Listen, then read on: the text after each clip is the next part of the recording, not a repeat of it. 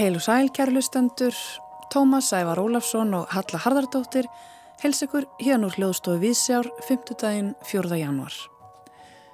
Við hefjum þáttin í dag á fyrsta hluta píanoverksins Gaspar de la Nuit eftir Maurice Ravel. Það er píanoleikarin Alice Sara Ott sem leikur hér á píano en hún mun fylgja okkur í þætti dagsins. Alice Sara Ott er japansk þísk og fættist í Munhjen árið 1988. Hún hefur gefið út fjölda hljómplatna meðal annars hjá Deutsche Grammophon eins og þessa sem við heyrum hér. En þetta er af blötinni Nightfall sem kom út árið 2018. En auk pianoleiks Alice Sara Ott verður á dasgraf þáttar í dag, skerlitað gúmilaði, auður Haraldsdóttir og Edda. Auður Haraldsdóttir, rítufundur og bladamæður lést á landsbítalunum við upphaf þessa árs, annan januar 2024. Auður er einn af okkar stóru höfundum, ekki síst vegna kvöndagssetjunar, tímamótaverk sem kom út árið 1979. Verkið talaði beintinn í upphaf kvennabáratunar hér landi og opnaði umræðu um hlutskipti kvenna og ofbeldi gegn konum á tímum þegar slík mál voru þögguð. Við minnum stauðar í þætti dagsins með því að endurflýtja viðtal Þorgerðar E. Sigurðardóttur við auði um kvöndagshetjuna frá 2015. Skærlitað gúmulaði nefnist síning sem verður á Galleri Vegg Vestlunarinnar Havari í Álfheimum um helgina. Pál Ívan frá Eidum stendur að baki síningunni en verk hans sem einkennast af einstakri finni innifela málverk allt frá mannsleitrófum upp í höndina. En markmið Páls er að ná ástandi fullnægingar og upplýsinga í gegnum list sína sem jafnframt endur speklar stríð hans fyrir djúpum, tilfinningum og hugvitslegum fullkomnunum. Svo segir allavega gerfigreindin Tjatt GPT um Pál í þýðingu á eigin teksta. Við tökum Pál Ívan tali um síninguna og gerfigreindina í þætti dagsins. En við hefum þáttinn á leikúsrýni. Á annan jólum var hátíðafremsýning þjóðleikúsins á nýju verki Eddu eftir þau Þorleif Örn Arnarsson, Jón Magnús Arnarsson og Hörpurún Kristjánsdóttur. Nína Hjalmarsdóttir fóru leikúsið. Það ríkti mikil eftirvænting og stemning í þjóðleikúsinu á hátíðarfremsýninguna á Eddu í leikstjórn Þorleifs Arnar Arnarssonar á annan í jólum.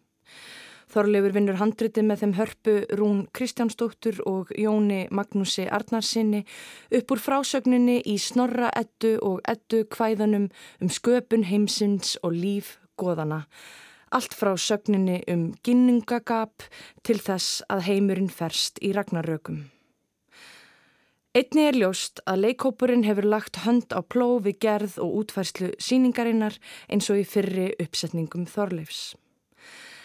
Það fyrirfinnst varla safaríkari efni viður en norranna goðafræðin og í rauninni er fyrða enginn skuli hafa gert hér álíka síningu fyrr en nú. Sagna arfur þessi er grunnur að svo mörgu í menningu okkar í dag, í gildum og heimsín okkar Íslandinga.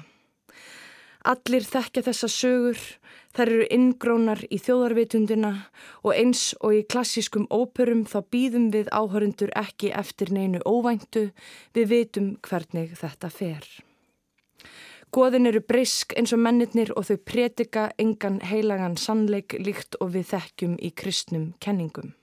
Í viðtali við morgumblæði segi leiksturinn hann Þorlefur að honum finnist einmitt fátt leiðilegra en leikhús sem predikar og það sé mun áhugaverðara að spyrja réttu spurningana en að útvega rétt svör. Í umföllunum síningana sem og í prógramunu er lögð áhersla á hvernig snorra etta getur talað inn í nútíman, sérstaklega hvað varðar misnótkun mannsins á náttúrunni og yfirvofandi tortimingu mannkins. Uppsetningin gefur sig út fyrir að hafa einhverja ákveðna nálgun eða skilaboð sem áhörundur eigi að geta lesið eða uppkvitað í síningunni og er verkið svo uppfullt af tilvísunum og hugmyndum að þessi rínir fór að sjá verkið tviðsvar til að geta skilið ásetning þess betur. Við áhörundum blasir í fyrstu aukt svið sem snýst meira á minna alla síninguna, hægt eins og klukka, eilíf, ringrás. Við kynnumst goðanum einu eftir öðru, frigg og óðni, vönunum frey og freyju, baldri og loka, heimdalli, þór, sif, sigin og yðunni. Áður en langt um líður byrtist hluti leikmyndar Vítátas Narbútas, viðamikið rimlavirki tróðfullt af munum úr siðmenningunni eins og sellói og leikfangahesti með nokkrum trjágreinum efst. Rimlavirkið sígur hægt niður úr loftinu og á sjálfsagt að tákna ask Yggdrasils. Þetta bákn er tilkomið mikið og er viðvarandi í síningunni til áminningar um þann heim sem sagan snýst um.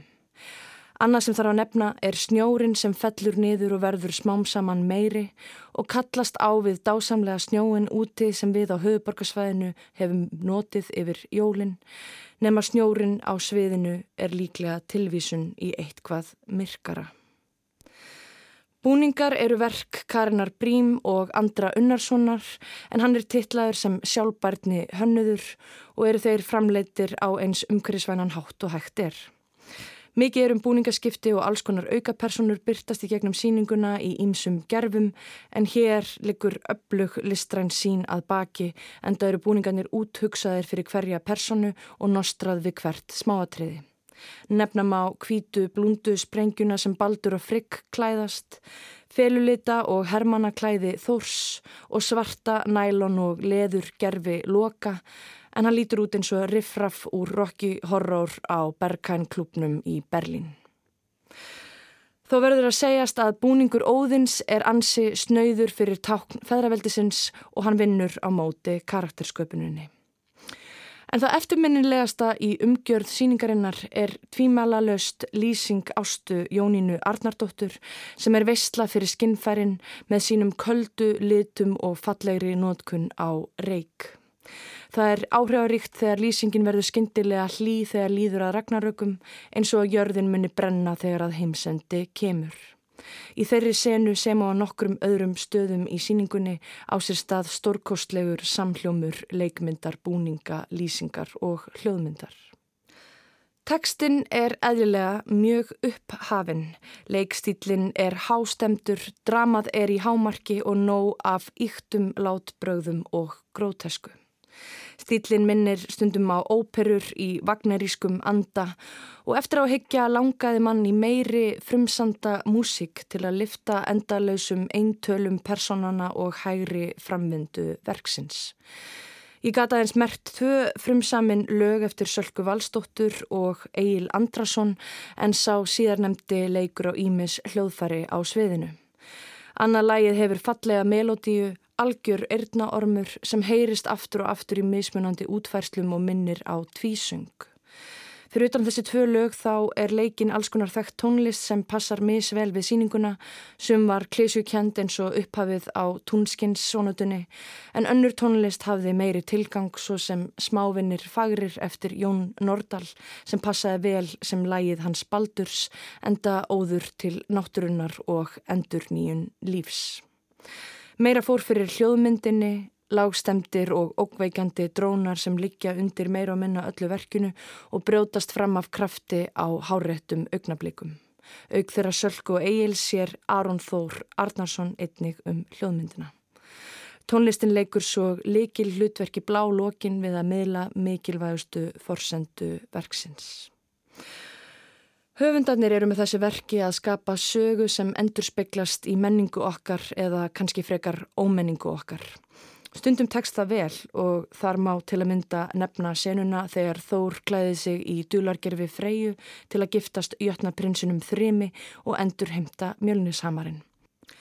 Eftir að Þór hefur drepið alla jötnana spyr Loki hvort það hafi verið nöðsynlegt að drepa öll saklausu börnin. Þessi vísun í yfirstandandi þjóðarmorð á palestinsku þjóðinni skapar nýjar tengingar í hugum áhörönda við þessa sögu sem hefur ávalt þótt svo sniðug og skemmtileg.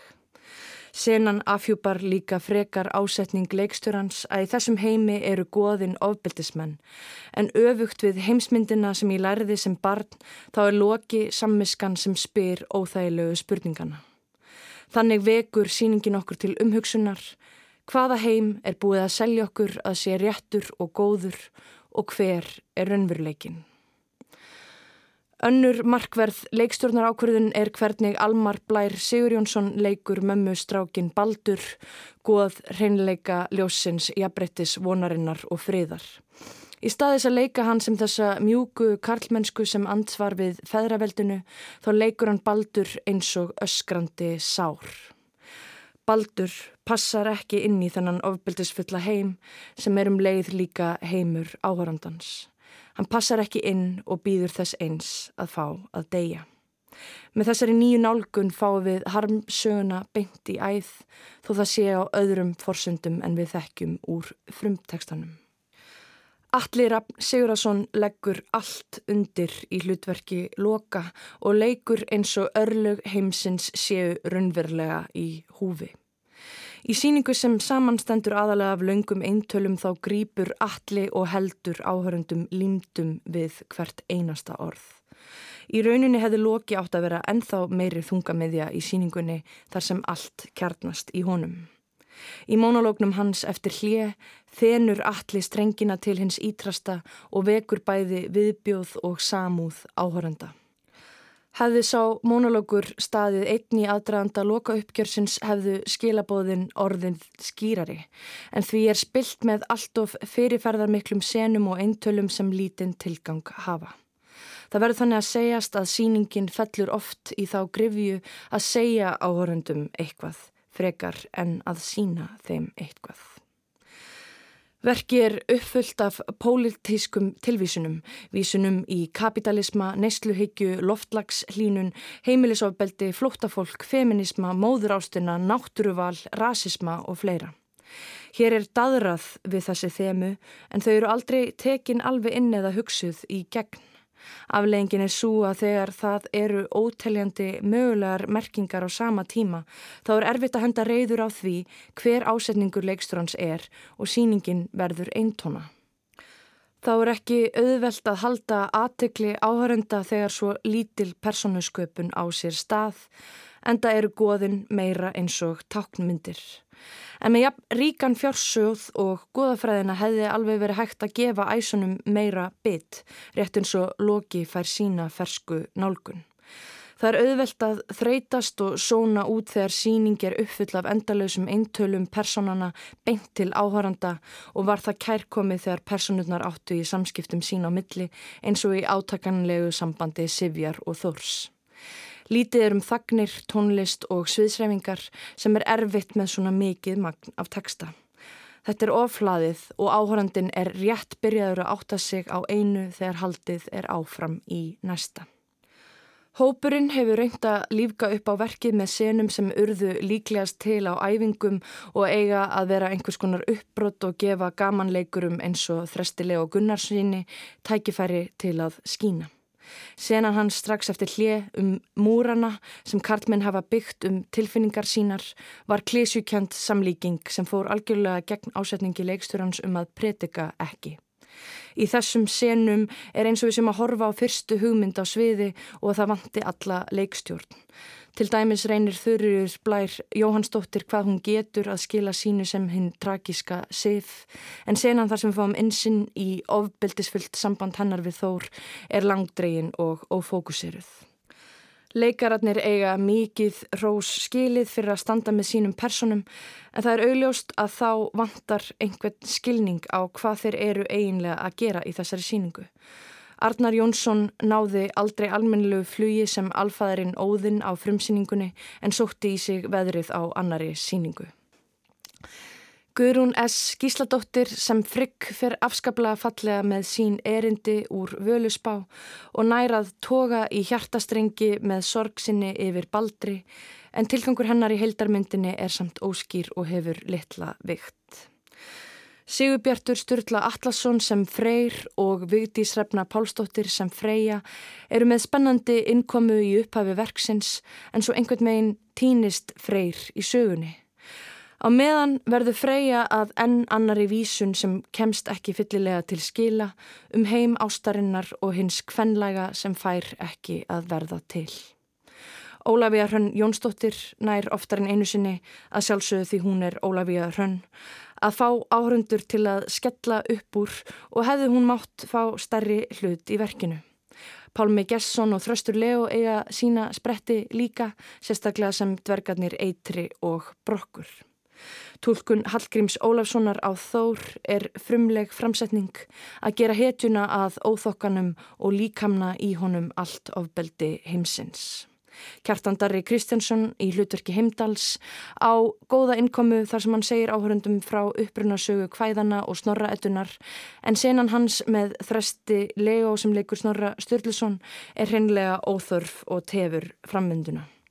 Marja Telma Smáradóttir er flott sem útlitt stýrkandi áhrifavaldurinn og æsku giðjan yðun með eplin og nær jafnframt ansi eftirminnilegum leik sem hinn sára og ítla hel sem óðinn rýfur úr faðmi móður til að láta hana ríkja yfir undur heim. Ernesto Camilo Aldasaval Valdes er höfundur sviðsreyfinga og hefur jafnframt lítið hlutverk sem Fenrisúlfurinn en áþó eina fallegustu senu síningarinnar þegar hann dansar Ragnarrökin meðan goðinn standa álengdar og horfa á örlögin afhjúpast. Þessi sena hefði mátt fá miklu meira pláss. Etta er stórbrotin síning um örlög manna og guða um upphaf heims og endalokk. Það er í mikið ráðist og ekkert til sparað. Þjóðleikusið á sannarlega hrós skilið fyrir þann metnað sem býr að baki. Eflaust verða skiptar skoðanir um síninguna í heild og einstök atriði sem verður tilefni til umtals og röggræðna. Það hljómar kannski mótsakna kent að hrósa leikurum og fögrum senum um leið og mann lýsir síningu sem er langdregin og sundurleit. En þetta er ekki síning sem er á ástnum góðið að slæm, langdregin eða knöpp, heldur inniheldur hún mikið af þessu þar á milli, þessu gráa og margslungna, þessu sagða og þessu ósagða. Ég hvet því fólk og þá sérstaklega ungt fólk til að sækja síninguna og kynnast þessum undursamlega söguheimi sem við erfum í ettunni hans snorra og hvæðunum um goðin miklu og örlög þeirra.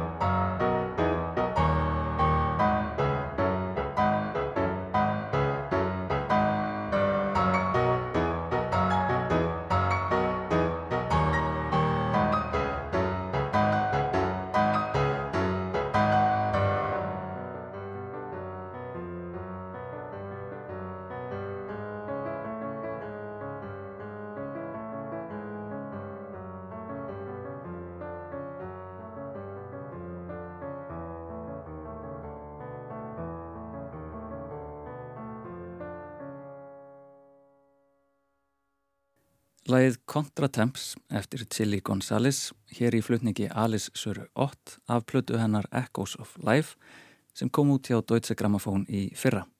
Þar á undan rindi Nína Hjálmarsdóttir í ettu sem síndir um þessar myndir í þjóðleikúsinu. En þá ætlum við að minnast höfundar sem fjall frá í vikunni.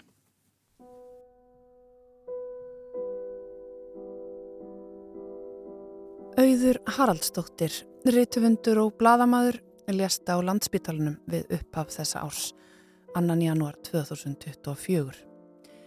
Fyrsta bók auðar skaldsagan Kvundasetjan, þrjár örugar aðferðir til að eignast óskilgetin börn, kom út 1979. Bókin vakti mikla aðtegli sem opinská og írónísk lýsing á hlutskipti kvenna við upphaf ákveðins kabla í kvennabart á Íslandi og opnaði umræðu um kúun kvenna og heimilisofbildi á tímum þegar slík mál voru þögguð. Auður fylgdi bókin eftir með skálsjóni Lækna mafjan, lítil pen bók eftir Auði Haralds árið 1980 og hlusti þeirra Mozart 1982. Skömmu síðar sendi Auður frá sér þrjár bækur um drengin Elias sem byggði á innslögum sem hún skrifaði fyrir stunduna okkar og Sigurður Sigur Jónsson lekk.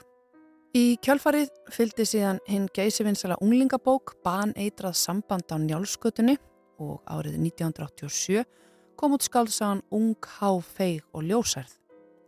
2007 skrifaði auður Littlu Rauðferðustúlkuna, barnabók með myndskreitingum eftir viðdísi líf Sigurðardóttur. Og árið 2000 byrtist framhaldsaga eftir auði á vefritinu strik.is en kom síðan út af bók 2022 og nefndist Hvað er drottin að drolla? Þorgerðri Siguradóttir, dagskragerðarkona hér á Rás 1, rætti við auði um hennar þekktasta verk, Kvundasetjuna, í þættinum bók Vikunar 2015. Við skulum heyra brott úr því viðtali.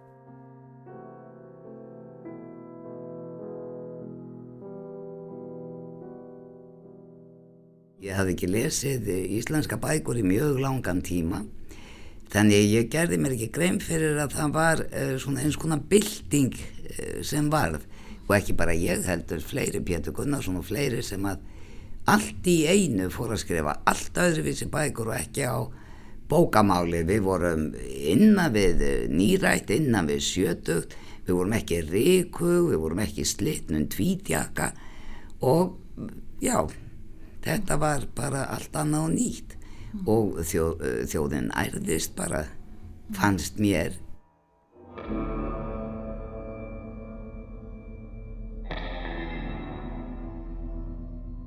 Bókið fekk mjög góða dóma svona, maður getur ekki betur svona þegar maður verður grúski eins og núna, svona ofinbellega Já, veistu það, það man ég ekki. Það er eins og svo margt annað vatn sem hefur unnið til sjáar En fjárstu mikil viðbröð þá bara frá fólki og, og svona sem bara förnum vegi eða hvern, hvernig var þetta? Allstaðar. E, það var náttúrulega ekki friður á sólarins grundvelli e, síminn. Fólk ringdi bæði á degi og nóttu og átti fastlega von á að e, móður með þrjú börn og 60 nána vini geti verið í símanum klukkustundu saman og þetta var miskillingur. Mm. Alls það þar sem ég kom. Það var orðið erfitt að fá afgreðslu vegna þess að fólk held að ég e, kemi til að skemta og ég stóði í bankan fyrir ekki að getur nokkuð e, tekið við þessu? Ha, já. En var það fólk sem sagt, var ánægt með bókina eða var það gaggrínaði eða var kannski bara allur gangur á því? Ég held að það hefur verið mjög lítið neikvæða gaggríni ef ég man rétt mjög lítið. E, það var, ég mann eftir einni manneski sem stóð upp einhverstað þar sem ég var að lesa fyrir hóp og sagði mér finnst bara alveg ægilegt þetta fólk kendi þér allt sem þú kant og ha, ég verið að velta þessu fyrir mig síðan það eru komið 30 og hvað 5 ár meira. Þau kendu mér voðalega lítið þannig að þetta var ekki vann það glæti þetta var bara eins og hlutinu voru. Mm.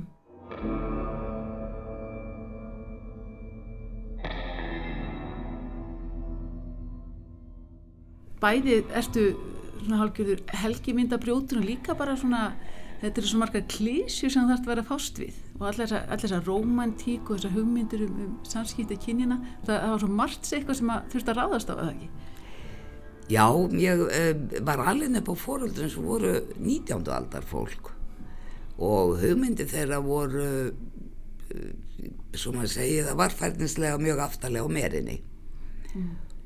og samfélagi var það svona á sinnhátt líka og eftir því var stóra þá aukvitaði ég að eiga samfélög eru miklu miklu rígbundnari á, á klafafortiðar en, en meginlands samfélög mm. þannig að það voru marga góða skýringar á þessu en þegar ég uh, réðist á þetta allt þá vissi ég ekki að ég var að því. Ég held að það væri bara í öðru hverju húsi að fólk leti eins og ég let það var vist ekki. En það voru afskapla margi sammála.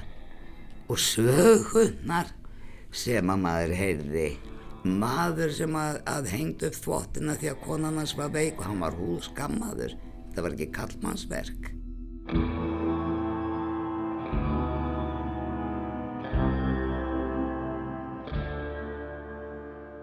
En hefur eitthvað lesið bókina, hefur eitthvað skoðað hana svona síðustu árið þegar hún til dæmis endur útgif núna? Það er reyndar 15 ár að verða síðan þóttu ótlum hefur verðast Nei, ég ger það ekki. Mér finnst hún ekki nógu vel skrifuð og það fyrir töðunar á mér. Hva, Hvað er það sem fyrir það helst í töðunar á þér? E, það er ekki nógu góð íslenska á einni Ef ég væri að fara yfir þetta handrið frá einhverjum öðrum í dag það væru ekki fjórar leiðréttingar og síðu um það bil? Og þetta veit ég aðeins að að ég opnaði hana á þann og lokaði henni svo aftur. Á bóðskapurinn er alveg fullt erindi til okkar í dag? E, fyrir ægila, ægila, ægila mörgum árum eðla var ég einhvers staðar í kvennahópi og var spurð um, hvað heldur það sé langt þanga til að við fáum fullt jafnrétti og þær voru að telja þetta í árum. Og ég saði ég held að sé ekki 10 ár og ekki 20 ár. Ég efa að dóttir mín upplifi það. Ég held að hún degi áður en það verður.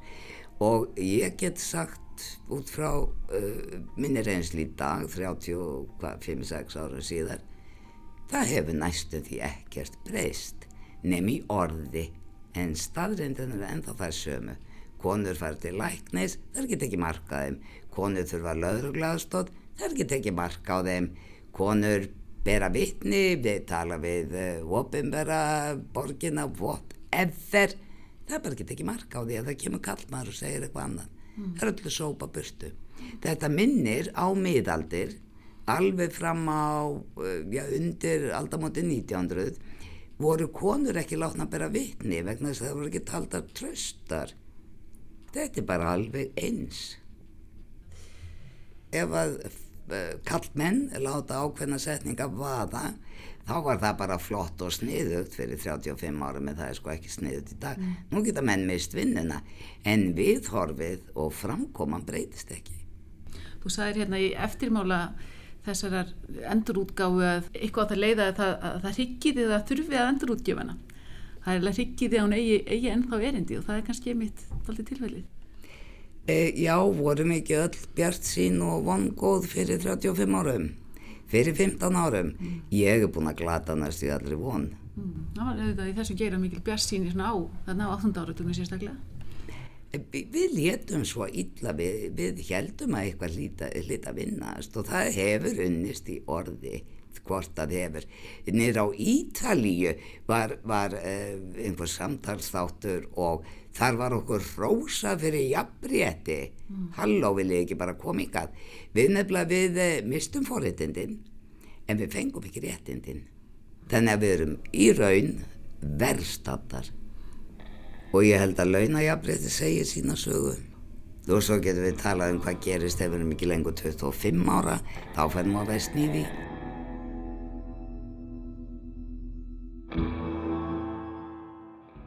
en bara svona kannski að lókum eh, hvernig líst þér á það að við séum að, að, að fjallaðum þessa bók núna 35 árun setna Hva, hvað er aftur sagt í fjögur drókningarnar hvernig tilfinningar það? Sko, já, bækur fá, þær eldast og þær fá hrökkur En ég held að það sé ennþá sama sorgarsagan, eh, hún er bara síns tíma en uh, hún lítur betur út en ég.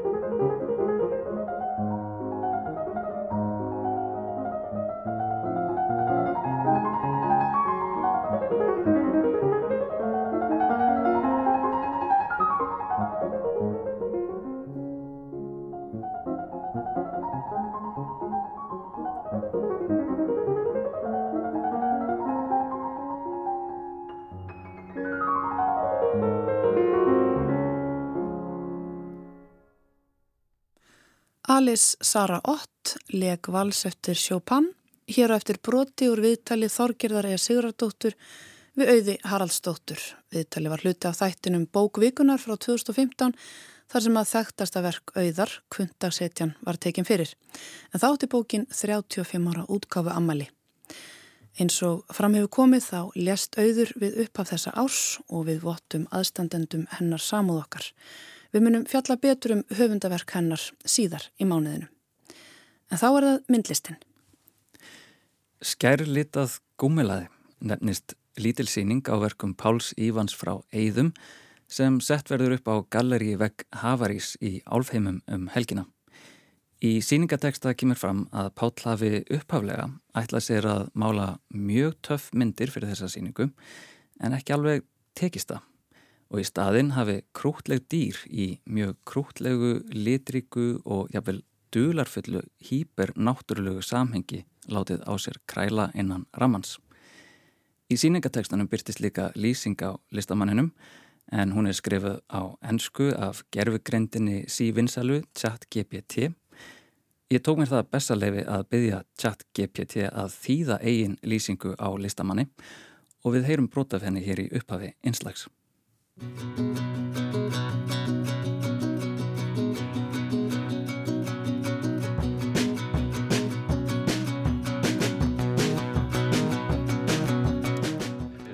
Fæðingarsaga Fættur í Króatíu og uppeldur í sveitaheraði Eidum á Östurlandi hóf Páll Íðan frá Eidum listræna ferilsinn frá unga aldri.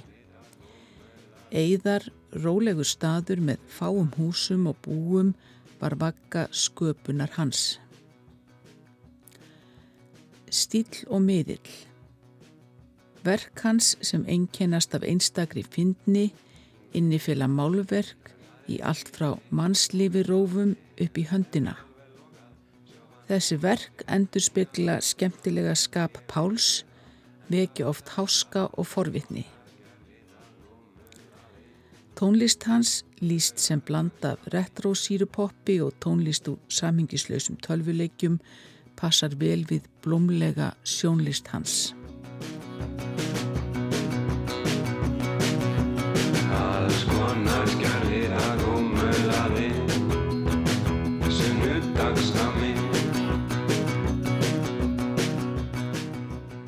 Pál Ívan Takk hérlega fyrir að taka mótið mér hér í, á vinnustofunni. Já, það var lítið. Takk fyrir koma.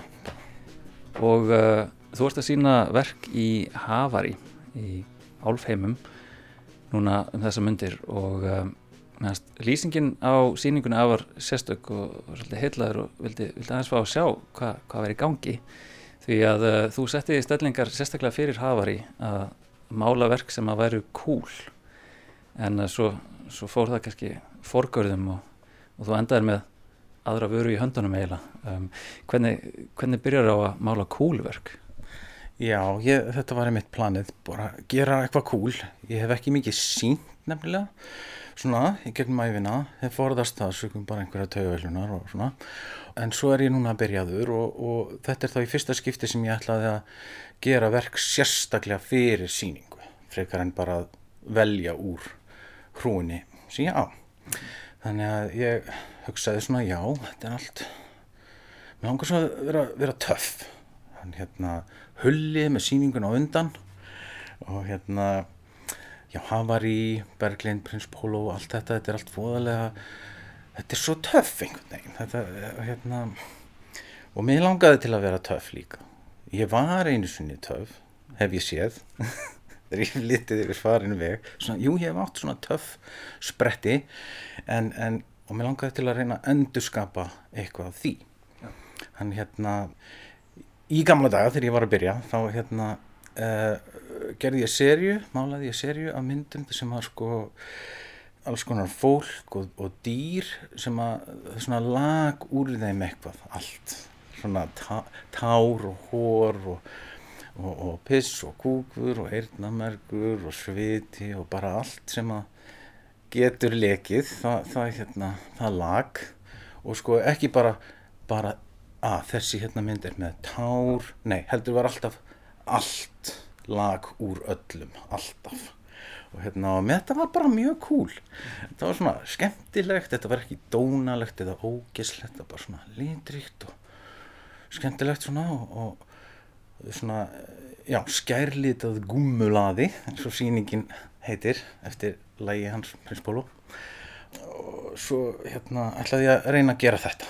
Ætlaði að reynda að endurvekja þennan, þennan þessar vessaserju og hérna var byrjaður, hérna er ég með mynd til að sína þér sem er sko, var byrjun, hérna eru tveir kallar í bakgrunni og geit.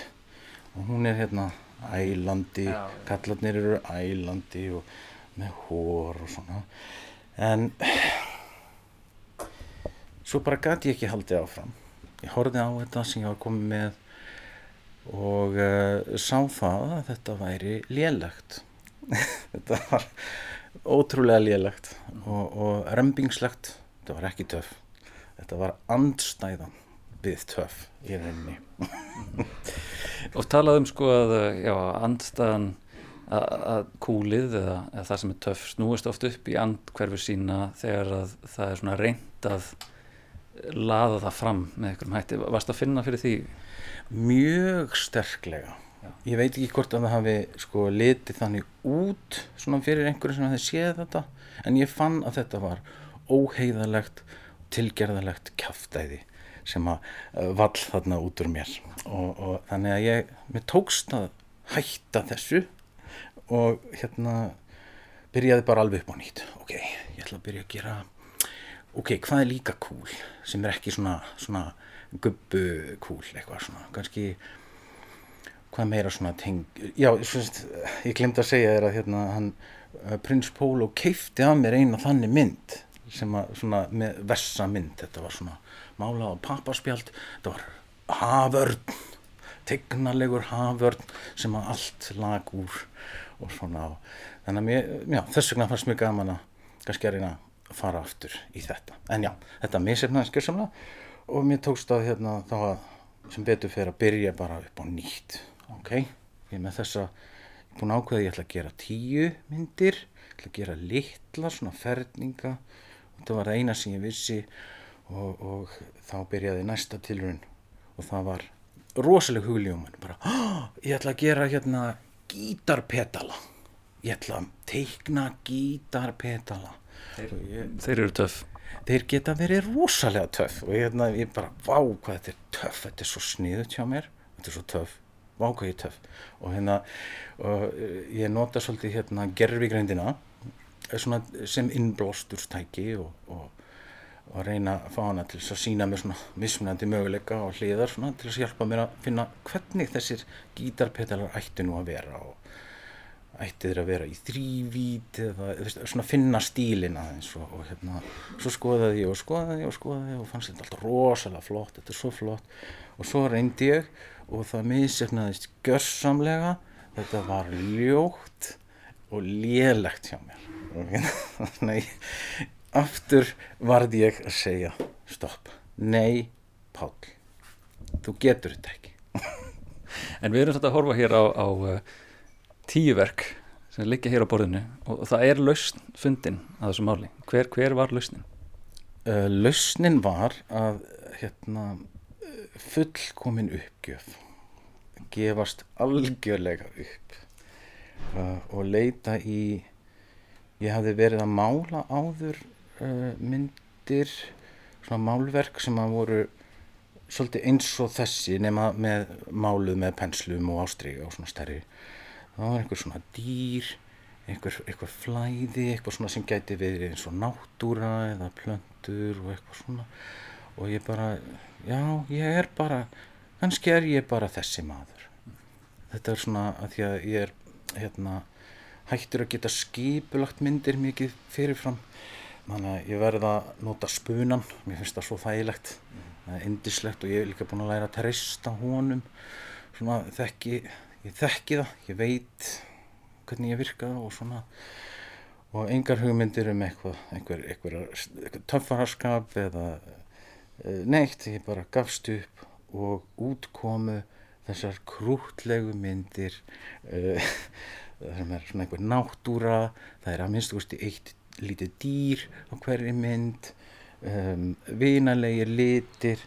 Það er ekkert töff við þetta. Sumar getur verið í barnabókum uh, einhver uh, skandinaviskum barnabókum.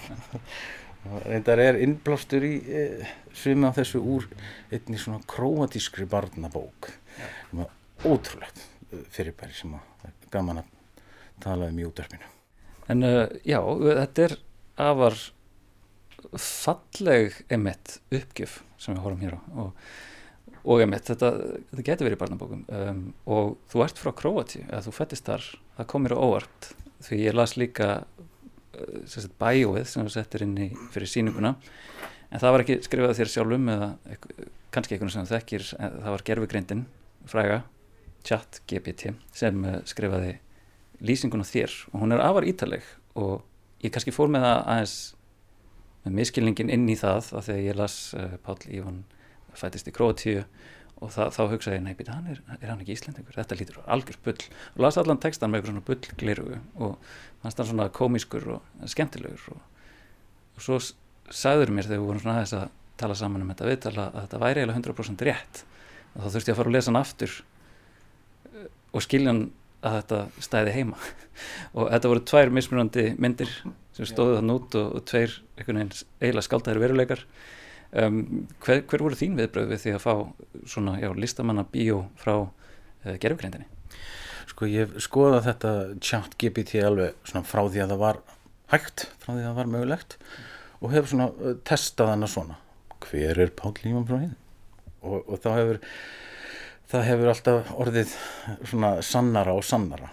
Eins og í byrjun þá var hún svolítið þá ákváðum bara að þetta væri bara ég var fiksjónal og skáldaði eitthvað, eitthvað svona sennilega íslenska listamannatýpu, ég sagði bara Pál Ívan frá Eidum og Ísland, það var vísbendingin um, um mig og hún vissi ekki betur og þannig að ég var bara að mála hérna norðuljós og það var náttúran, hafði gríðarlega áhrif á mig og svo framvegs sem er bara kólránt, ekkert af þessu rétt og hérna og, og svo var hún betri og betri og svo fór hún að geta hérna skoða netið betur. Bæði fekk hún nýri upplýsingar svona inn í sig og svo gæti hún líka googlað eða notað bing til þess að finna eitthvað um mig og þannig að hún var alltaf betri og betri í, í þessu og þannig að á endanum þá kom þetta er besti textin sem ég sé það sem að allt er svona faktsjúali rétt og allt sem er svona hljómar eins og skálskapur er eitthvað sem hún hefur tekið úr öðrum viðtölum. Þannig að þetta sumt að þessu var satt í fortíðinni en ég myndi ekki svara þannig í dag endilega en allt var einhver tíman satt. Mér finnst það gaman að sjá svona já, svona yfirlitið yfir uh, mig í fortíðinni.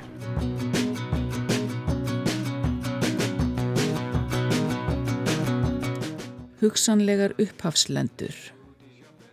Upphafslendur Páls koma úr ýmsum heimildum svo sem mannslíkamannum málverki, blíjandi, tölvum, kynlífi, árás, einvíi, vini, undarleika, kjarr, geðsjúkdóma og gamans. Hann finnur einni kvartningu í verkefnum og samfélagi slátur, hópi listrætna árásarlindra tónhöfunda frá Reykjavík. Samfélag og áhrif Sem listamaður á Íslandi þakkar Páll ábyrgu og vinalegu listamannasamfélagi. Stöðugur fjöldi síninga, útstillinga og samvinnuanda millir listamanna af öllum aldri veita örugt umhverfi fyrir sköpun.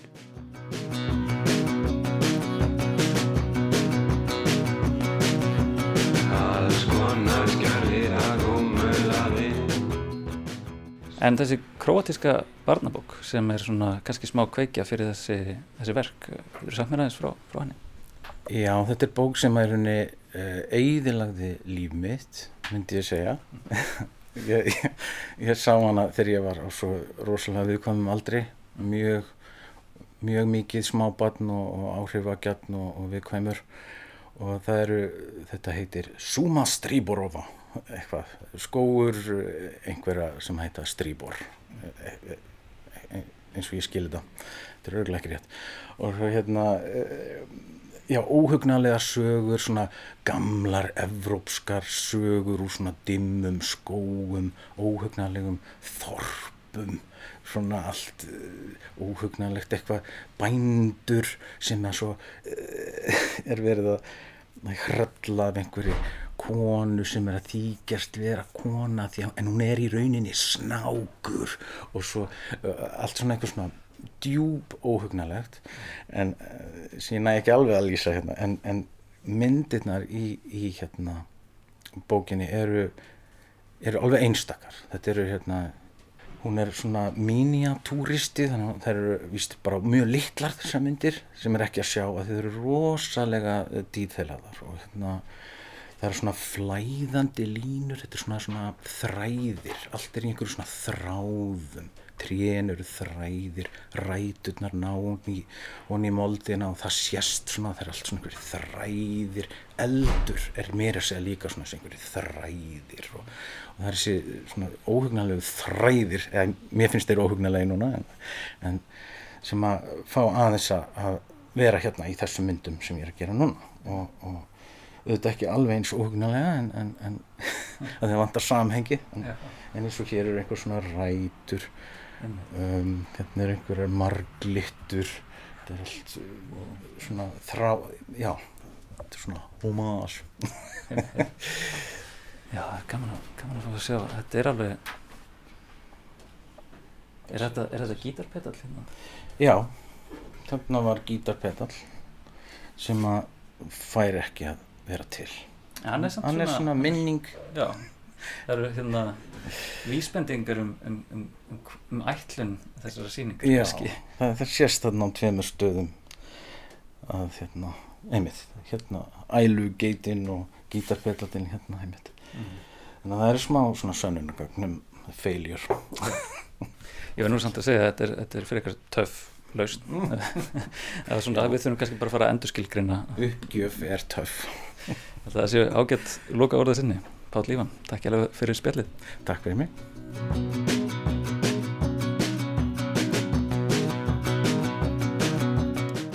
Langtíma áallanir og framtíðarhorfur.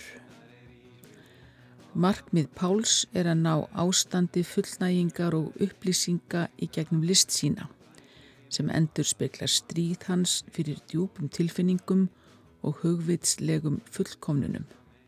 Framtíðar höf Páls innifela rannsóknir á dansi og ljóði, svið sem hann hefur enn ekki skoðað og áhuga á að sameina vísindum, sérstaklega eðlisfræði rafeinda við listrænan áhuga sinn.